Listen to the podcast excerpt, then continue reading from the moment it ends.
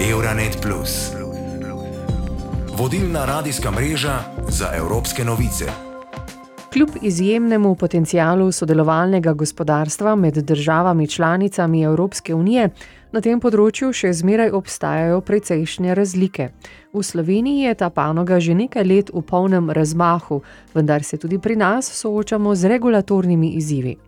Ponudniki in uporabniki tradicionalnih storitev so se drug drugemu približali zahvaljujoč razvoju digitalne tehnologije. Zlasti mladi podpirajo okoljsko bolj sprejemljive poslovne modele sodelovalnega gospodarstva. V raziskavah se sodelovalno gospodarstvo kljub nekaterim opredeljenim razlikam po večini uporablja izmenično s pojmom delitvena ekonomija, pojasni Janja Hojnik z pravne fakultete Univerze v Mariboru. Pri delitveni ekonomiji je sicer bolj v spredju ta delitev nekih sredstev, nekaj, kar imaš ti, še daš v uporabo nekom drugim. Pri sodelovalnem gospodarstvu pa je bolj v spredju sodelovanje med nekima dvema skupinama. V osnovi pomembnih razlik ni, skupno jim je to, da tako tudi Evropska komisija opredeljuje vse te poslovne modele, da gre za sodelovanje treh akterjev. Na eni strani so ponudniki nekih dobrin, na drugi strani so njihovi uporabniki, vmes je pa neka platforma, ki jih povezuje, torej nek posrednik. Glavna težava je, da ta posrednik ne želi nekih pravnih zavez v smislu zagotavljanja pravic delavcev, plačevanja davkov,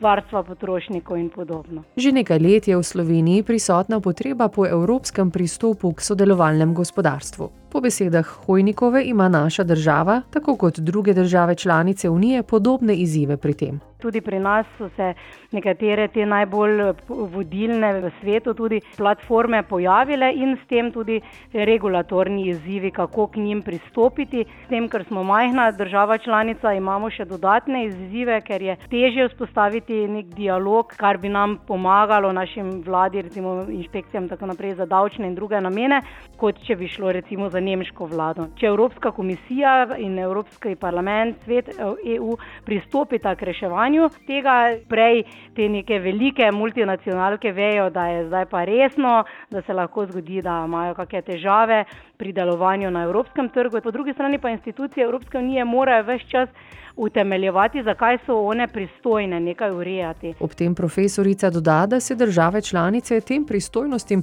kljub temu ne odrečejo zlahka. Kot primer navede področje taksi služb, ki je po vsej Evropi regulirano celo na občinski ravni, ne zgolj nacionalni, in področje kratkoročnega oddajanja nepremičnin. Stroge, zavezojoče evropske zakonodaje pa po njenih besedah tako še ni. Med najbolj znanimi primeri platform sodelovalnega gospodarstva v svetovnem merilu sta Airbnb kot platforma, ki povezuje tiste, ki imajo proste nepremičnine, ki jih potem kratkoročno oddajajo tistim, ki jih potrebujejo, in Uber, ki ponuja povezavo med ponudniki vožen in tistimi, ki prevoz potrebujejo, kar je pri nas dobilo različico v obliki platforme prevozi.org. Drugače pa se je ta isti model razširil v številne gospodarske sektorje, naprimer tudi na področju financ.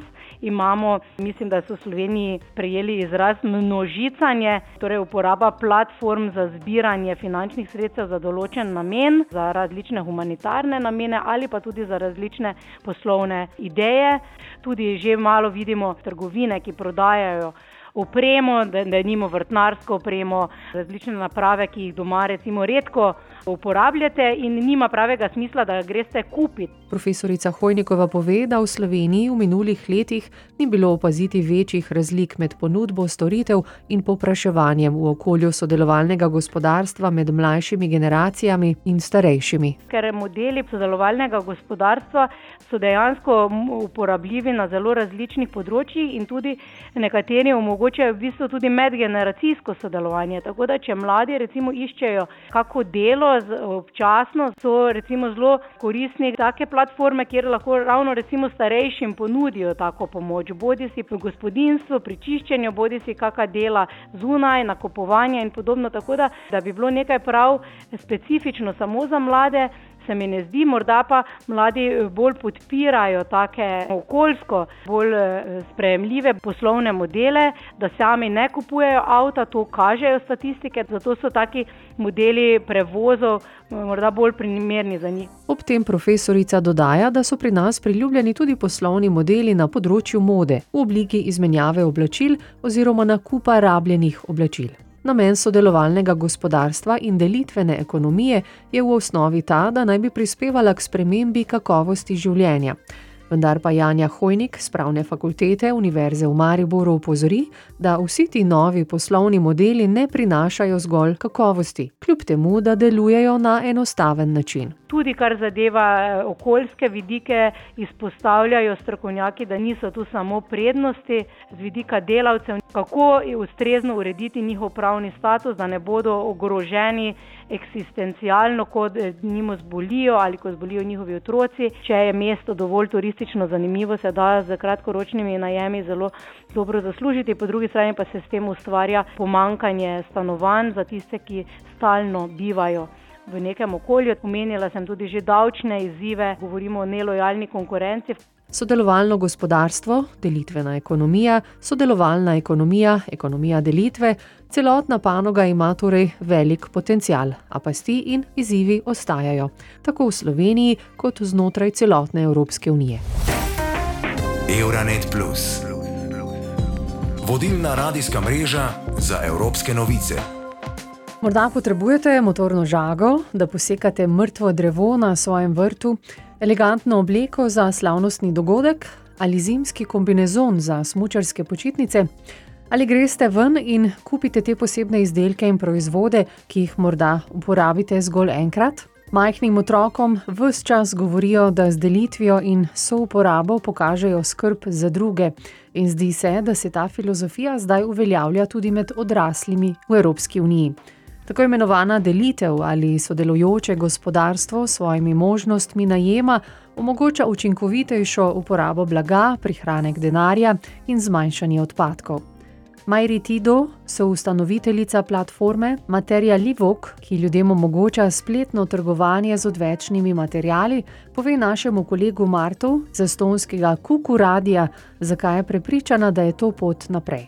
Ma nüüd luban enda ellu ainult need asjad, mida ma päriselt tahan, et seal oleks, mul on päriselt äh, V svoje življenje spustim samo stvari, ki jih resnično potrebujem. Vilice in krožnike, ki jih uporabljam leta ali celo desetletja. Enako velja za oblačila. Obkrožati se le stvarmi, ki ti prinašajo veselje. Drug element tega je popravljanje stvari, to je zelo pomembno. Obraba je pri uporabi nekaj običajnega. Torej, če se stvari obrabijo ali zlomijo, bi moralo biti samoumevno, da jih popravite.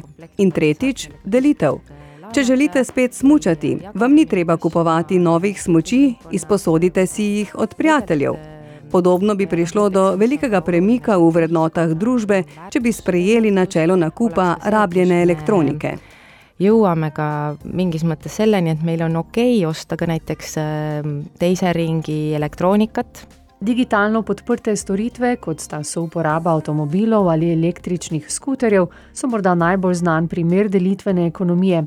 Dejansko je souporaba avtomobilov ali sopotništvo običajno predstavljeno kot odličen način za zmanjšanje emisij topologrednih plinov. Cambio je podjetje za souporabo avtomobilov, ki deluje v več državah Evropske unije, vključno z Belgijo in Nemčijo.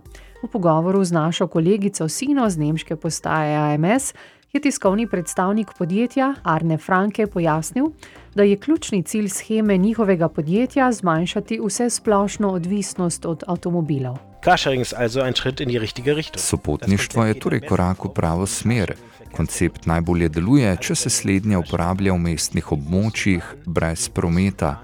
To pomeni, da se uporabljajo tudi alternative, kot so avtobusi, vlaki, kolesarjenje ali celo hoja.